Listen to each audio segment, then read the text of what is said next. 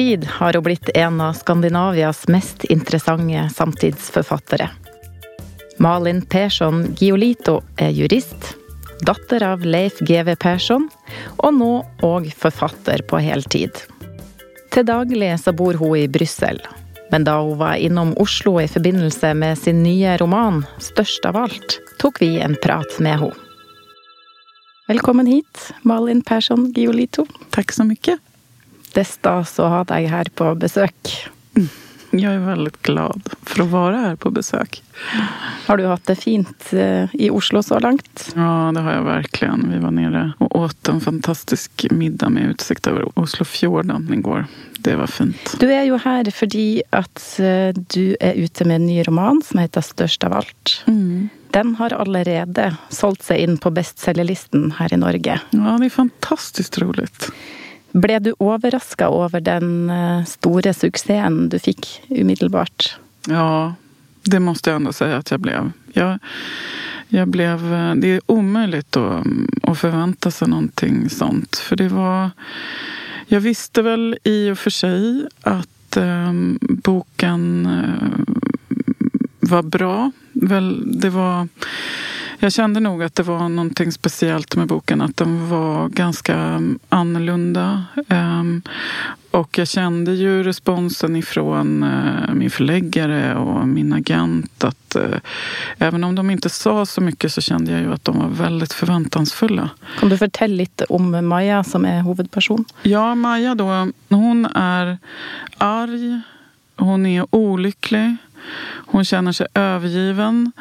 Eh, hon skiter fullständigt i vad eh, folk tycker om henne för att hon är redan eh, känd som eh, ja, Mördarmaja höll jag på att säga. Och sen så börjar hon berätta. Och hon berättar inte bara då om den här rättegången utan också hur hon hamnade där.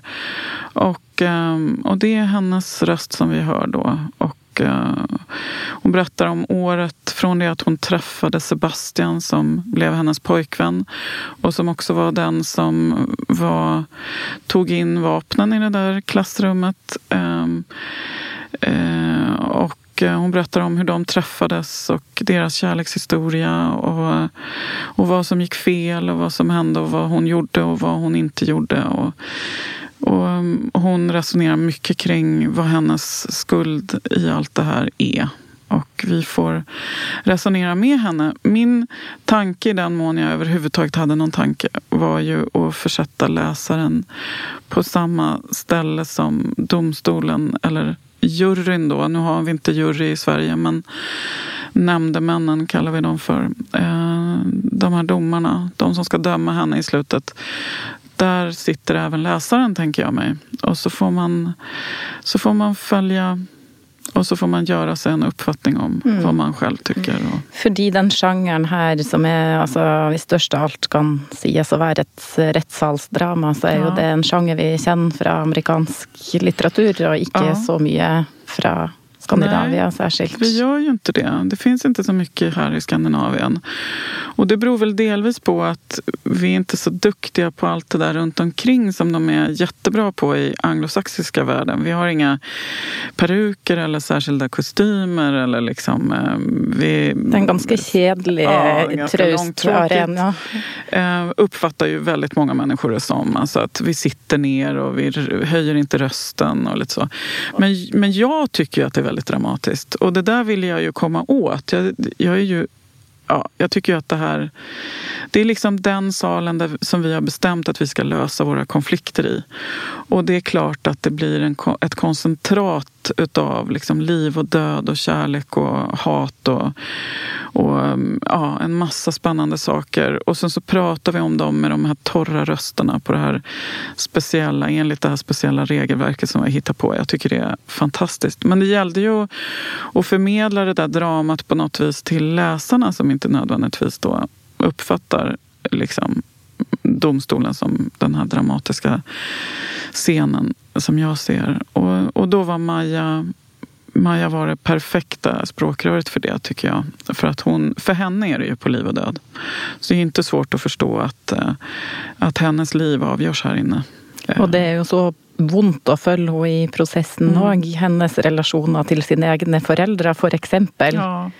Hvordan kan man sette seg inn i hvordan en mor-datter-forhold blir påvirka av at ditt barn kanskje står bak mm. en fryktelig forbrytelse? Var det vanskelig å skrive om? Ja, det var det ju. Utav flera skäl. Eftersom det är ju en sak vad hon uppfattar och vad hon tycker och hur hon känner. Det vill säga Maja. Men jag var ju tvungen att också fundera ganska mycket på vad hennes föräldrar faktiskt um, hur de har agerat och vad de har gjort och vilka människor de är. Och, och, och det, man behöver ju inte, nu har ju jag tonåringar själv hemma, men man behöver ju inte... Vi har ju alla varit tonåringar. Um, eller då i alla fall alla som är över 20. Uh, eh, och um, och det där... Alltså, vi minns... Det, jag tycker att det är ganska lätt att minnas det där. Hur, hur arg man kunde bli och hur besviken man kunde känna sig och hur sviken man kunde... Men det behöver ju inte betyda...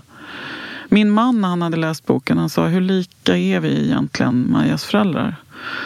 Och då sa jag vi är nog mer lika dem än vad vi egentligen vill vara. Mm. Och det där, så det tog ju en, en stund liksom att um, komma fram till vad ska vi säga, fakta i målet och sen vad Maja vill berätta. Ja, inte sant? För Maja är inte helt tillfreds mm. med hur föräldrarna Nej, det är hon verkligen inte. Hon, hon är ju som sagt var väldigt besviken. Ja, ja. Men hon har rätt till sin egen historia som vi säger. Mm. Ja, men jag tycker nog att uh, Maja är ju sviken utav väldigt uh, många. Uh, sen var det Eh, om det urskuldar henne eller om det, vad det egentligen mm. säger om det som hände. Det får man väl eh, läsa boken då för att Ikke göra sig en uppfattning om. Ja. Mm. Vad var det du önskade att utforska sånn, på ett generellt sätt da ah. du startade projektet här? Vad var det som gjorde att du fick lust till att skriva största av allt? Jag vet inte. Alltså, jag, det där är så konstigt. För att jag tror att, um, att man som författare så håller man på och försöker lägga någon sorts pussel med framsidan eller baksidan upp. Alltså man vet inte riktigt. Man, man tror sig kanske ha mm, en mm, liten aning om vad man försöker göra. Men man försöker mest få oklara bitar att passa ihop. Och sen om man har tur så mot slutet så, så, så kan man vända på det där pusslet och så kan någon annan berätta för en vad det, vad det föreställer. Så jag vet inte i vad mån jag har... Jag har liksom inte planerat att jag ska berätta en historia om eh, eh, skuld eller något sånt där. Men jag har ju kanske haft en aning om att absolut, det håller jag på med i någon mening. Men framför allt är det ju att berätta en, en historia. Jag har berättat historien om Maja som råkade ut, eller råkade ut för, som hamnade i den här domstolen. Men samtidigt så är ju också en berättelse om det svenska samfundet ja, idag. Ja, det är ju det. Och, det. och det är svårt för mig att säga i vad mån jag ville att det skulle vara det. Jag, I något skede när man planerar att skriva så vill man ju alltid, eller jag tror alltid att nu ska jag minsann skriva den stora romanen om, om Sverige eller varför inte Europa idag och sådär. Man har väldigt, det är ju, allt är ju möjligt när man väl, när man, innan man börjar skriva. Och sen så stänger man en dörr efter en annan och så hamnar man liksom i en annan lite smalare berättelse kanske. Och så förhoppningsvis så finns någonting av alla de där storartade visionerna kvar då när man kommer ut på, på andra sidan. Jag tycker att det är märkligt att det blev så mycket en historia om vårt Europa idag eller vårt samhälle idag. För det blev det verkligen. Det kan jag ju se. Trots att, eller kanske på grund av att jag gjorde den så smal. Att jag bestämde mig för att det är Maja, den här unga tjejen som ju är en väldigt speciell tjej. En privilegierad, eh, smart eh, kvinna. Eh, att att hon blev ett språkrör för någonting så mycket mer än vad hon egentligen är kapabel att se själv.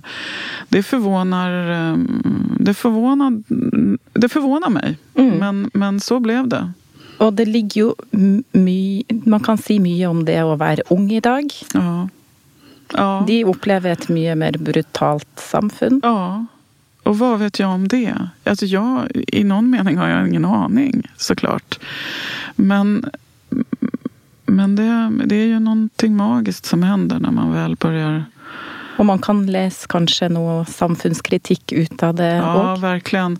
Alltså jag är ju, det där är också vanskligt. Och, och, för att jag skriver inte politiska romaner. Det gör jag inte. Jag vet inte hur vi ska lösa våra samhällsproblem idag.